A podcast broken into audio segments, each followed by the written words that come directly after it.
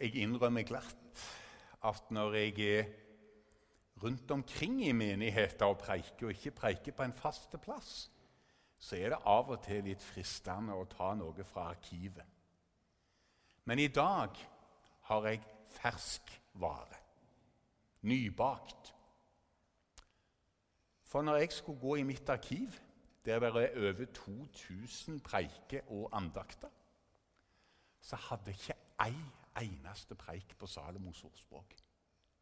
Jeg måtte lage noe nytt. Og Da kan jo dere tenke det var jammen på tide at han prøvde å få fram noe visdom òg. Men sånn er det. Vi lever i ei tid der nyheter flakser forbi. Det blir sagt om eh, vår tids mennesker at vi vet mer enn noen andre om de siste 48 timene men at vi vet mindre enn noen andre om de siste 48 år. Smak på den. Og så kommer jeg nå med en bibeltekst som er 2500 år gammel. La oss be. Gode Gud, tal til oss med din gode Hellige Ånd. I Jesu navn. Amen. Vi sitter mens jeg leser visdommen fra Salomos ordspråk. Synd gjør den som forakter sin neste. Salig er den som viser medynk med de fattige.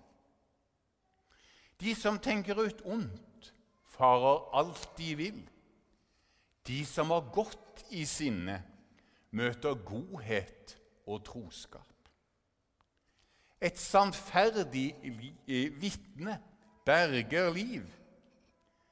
Den som farer med løgn, er en sviker. Den som undertrykker den svake, håner hans skaper. Den som hjelper den fattige, gir Gud ære.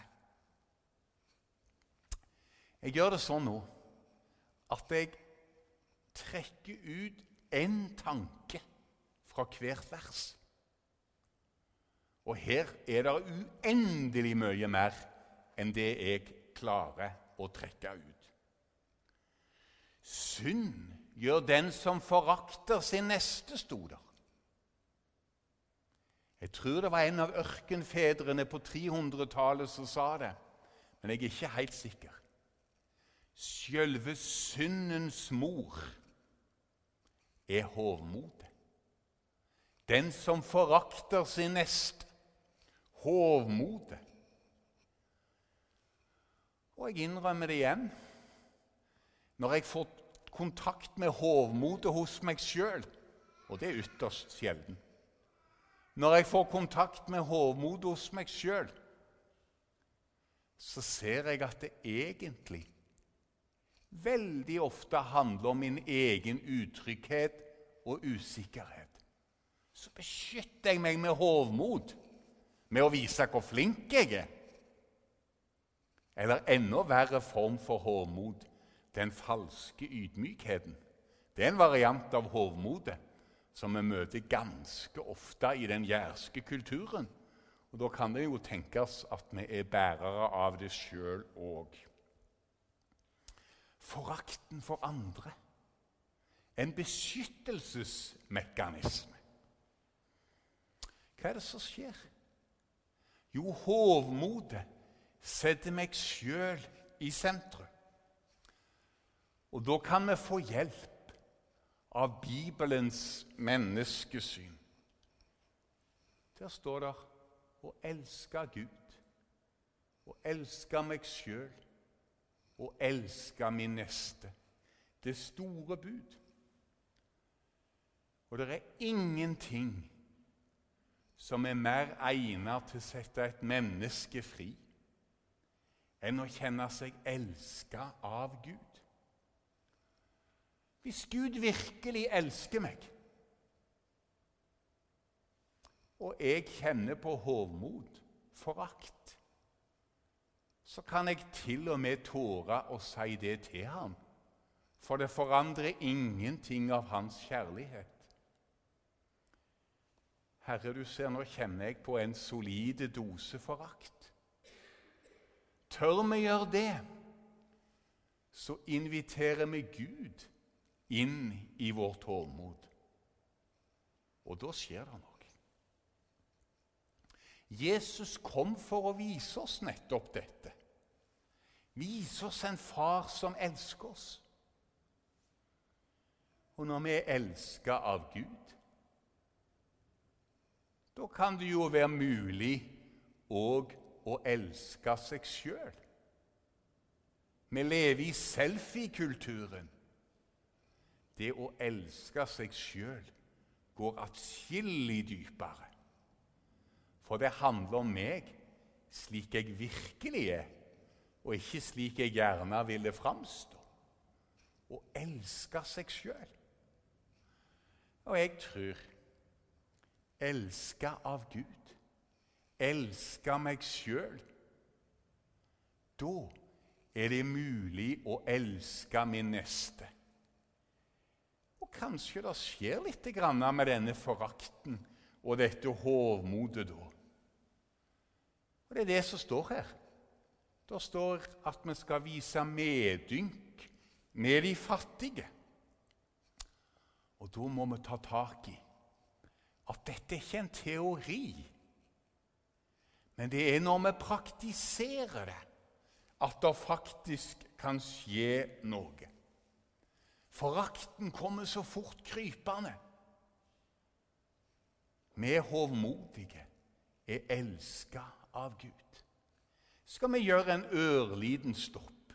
Det er sånn som vi kan tillate oss når det er en så voksen forsamling som her. Sitt og tenk litt. Elska av Gud, hovmod, forakt, vise medynk. Gi de tankene og følelsene som du kjenner til Han nå, i ei stille bønn. Da inviterer du Gud inn i din kamp med forakten og hovmodet. Vi er stille et øyeblikk.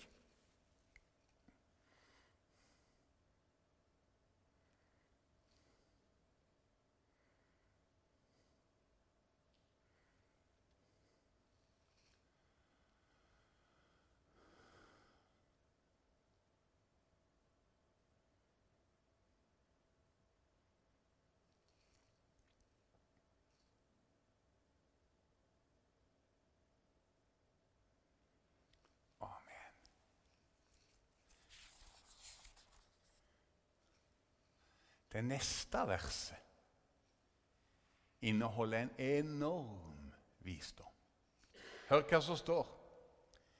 De som tenker ut ondt, farer alt de vil. De som har godt i sinne, møter godhet og troskap. Å møte det som er ondt, det har vi alle møtt. Det har vi alle bidratt til. Å møte det som er ondt.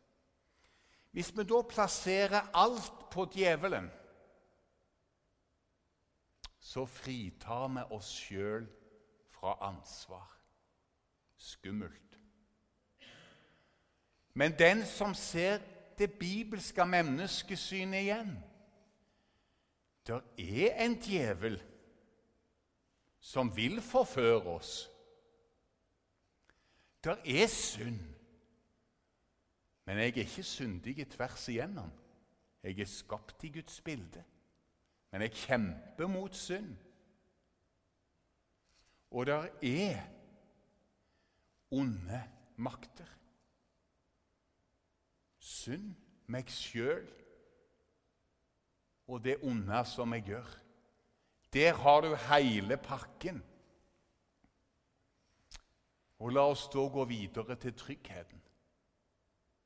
Jesus har seira over alt som er ondt. Det fins ingenting ondt som ikke han triumferte over på korset. Og igjen kan vi hente den gamle visdommen. Hvis vi ser på krusifiksene, altså malerier av Jesus som korsfesta, så var det sånn at Nå må jeg være litt forsiktig, for nå er jeg nok ikke helt nøyaktig, men poenget blir riktig. Det var sånn at de første 500-600 åra etter korsfestelsen så var det en triumferende Kristus som ble malt på korset. Han som seira over det onde. Og det må vi ta med oss. Så kom middelalderen og kampen mot synd. Og det er et like genuint anliggende. Da var det den lidende Kristus som ble malt. Blodet og tornekrona og alt i sammen. Og da er det ikke enten-eller, men det er både-og. Men denne dimensjonen med Jesus som har seira over det onde, den tror jeg vi har lagt for lite vekt på. Vi som lever i onde tider. Sjekker alltid BBC sine nyheter om morgenen. Ei kirke på Filippinene der søndagen starta tidligere enn oss pga. klokka. 20 stykker som var drept. Og når politiet kom for å hjelpe, så var det ei bombe til på parkeringsplassen. Vi lever i onde tider. Nå flytta jeg det ganske langt vekk, men sånn er det. Og så er det et prinsipp i åndelig veiledning og igjen er det Jesus og ørkenfedrene som har gitt oss visdommen. Det er et prinsipp i møte med det onde. Hvis du eller jeg møter noe som er ondt, med å ha rett og kjempe for vår rett, så vil før eller seinere det onde vinne. Jeg sa ikke nå at vi ikke skulle stå opp for menneskerettigheter eller noe sånt. Men jeg prøvde å si at det er et djupere spor her. For hvis vi kjemper mot noe som er ondt, med godhet, så vil før eller seinere det gode vinne. For onde makter vet ikke hva godhet er. Og For å prøve å illustrere dette en helt sann historie fra en kafé på Sandnes, og det er et par år siden dette skjedde. Der jobba det ei dame som ut ifra hudfarge og språk garantert var født sør for ekvator. Og Der var det en gjest på denne kafeen som behandla henne så stygt at, var, at diskriminering blir et pent ord. Det var direkte rått det denne kunden gjorde. Og Så spurte sjefen hennes, som så hva som skjedde på bakrommet, hvordan kunne du tåle det der? Hva gjør du nå? Så svarte hun, jeg skal utsette ham for min godhet. Hører dere visdommen? Jeg skal utsette ham for min godhet. Og tenk på de konfliktene, krevende tingene. Det fins i ethvert menneskes liv. Det kan være et krevende spørsmål. Det kan kreve sjelesorg. Det er ikke quick fix. Jeg prøver ikke å glatte over. Men tenk om vi kunne spørre Gode Gud, kan du hjelpe meg å vise godhet i denne situasjonen når så mye urett er begått mot meg? Skal vi lykkes med den medisinen, så er det én ting som er viktig. En erkjenne at her skjedde det noe ondt. For dette er ikke å feie under teppet. To Gud hjelp meg til å vise godhet. Å kjempe mot det onde, sto det her. Det handler om å vise godhet. Paulus sier det samme i Romerne 12. Han skriver det rett før han skal på besøk til en menighet de anslår besto av litt mindre enn 100 mennesker. Og forfølgelsene var på oppadgående kurve. Og da kommer Paulus. Og så skriver han til dem rett før han kommer, vel vitende om at de utsettes for veldig mye ondt. Så skriver han La ikke det onde overvinne deg, men overvinn det onde med det gode. Kanskje han hadde lest det her i Salomos ordspråk første gangen, for Paulus var en skriftlærd. Når vi møter noe ondt, det er en som har seira. Når vi møter noe ondt, la oss vedstå oss det. Og la oss spørre hvor er godhetens vei?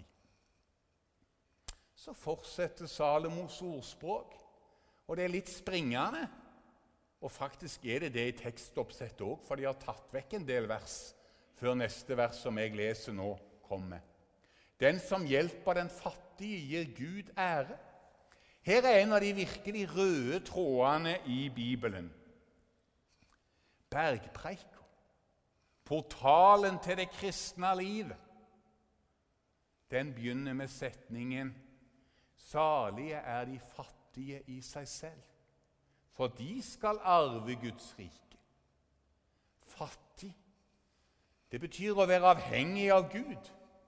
Og da er det mulighet for oss som er rike, til òg å gå den veien, en vei i avhengighet. En god venn av meg som er svensk Jeg samtalte med han om svært vanskelige ting og så sa han noe som jeg aldri kommer til å glemme.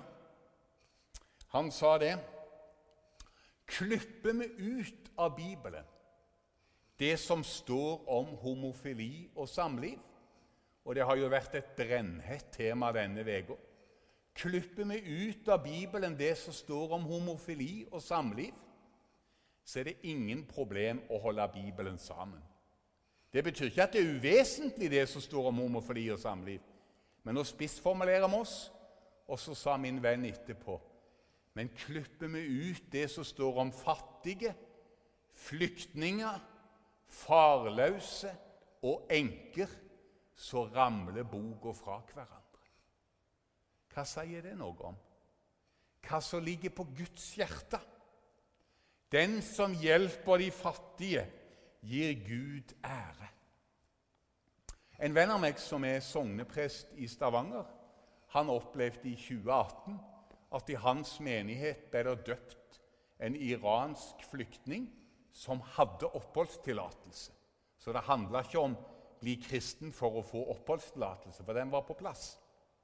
Men dette var en muslim som fant en genuin tro på Jesus. Og denne dama ble så ivrig i å gå i kirka og fikk venner i den menigheten det gjaldt. Og disse vennene de var hyttefolk og hadde gode råd og var i kirka av og til. Og så fikk de plutselig et problem. Den iranske venninna var der hver gang.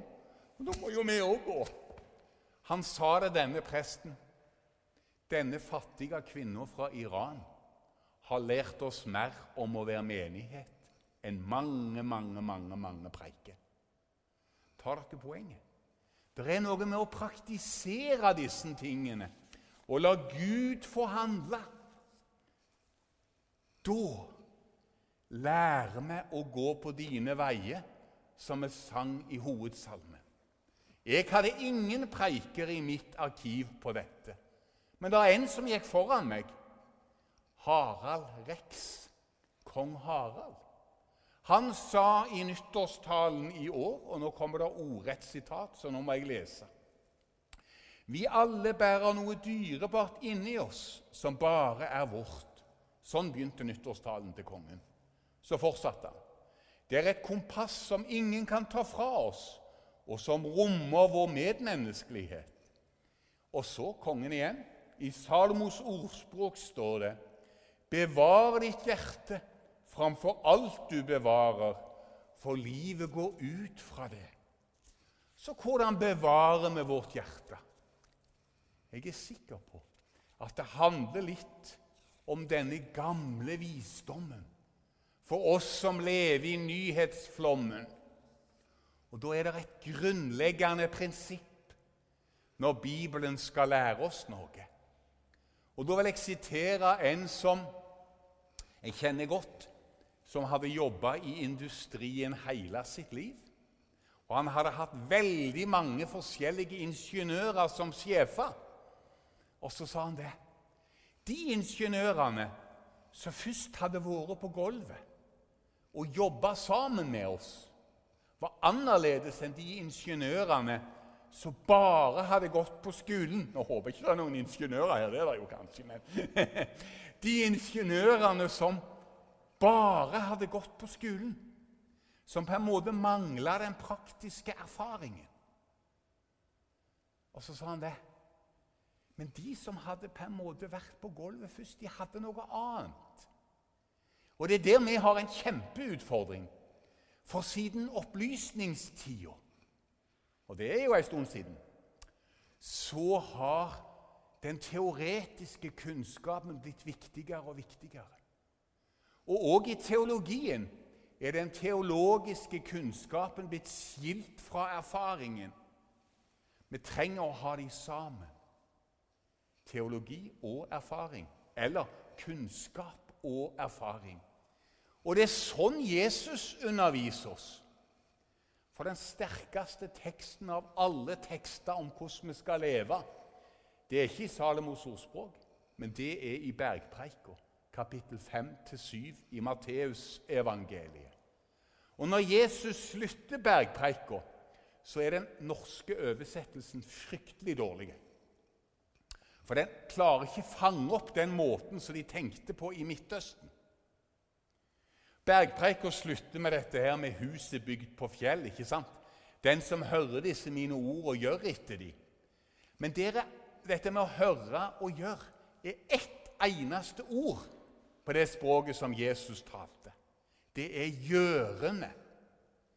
Altså Når vi praktiserer denne visdommen når vi praktiserer det, da bygges huset på fjell.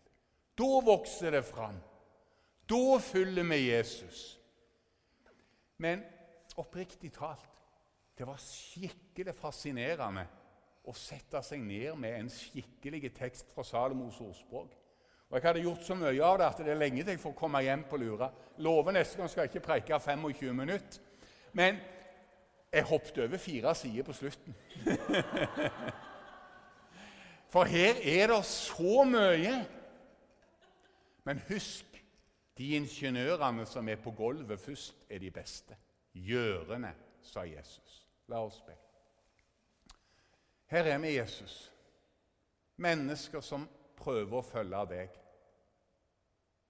Hjelp oss å gå sammen med deg i dette gjørende livet som du inviterer oss til. Ære være Faderen og Sønnen og Den hellige ånd, som var og er og blir en sann Gud fra evighet og til evighet.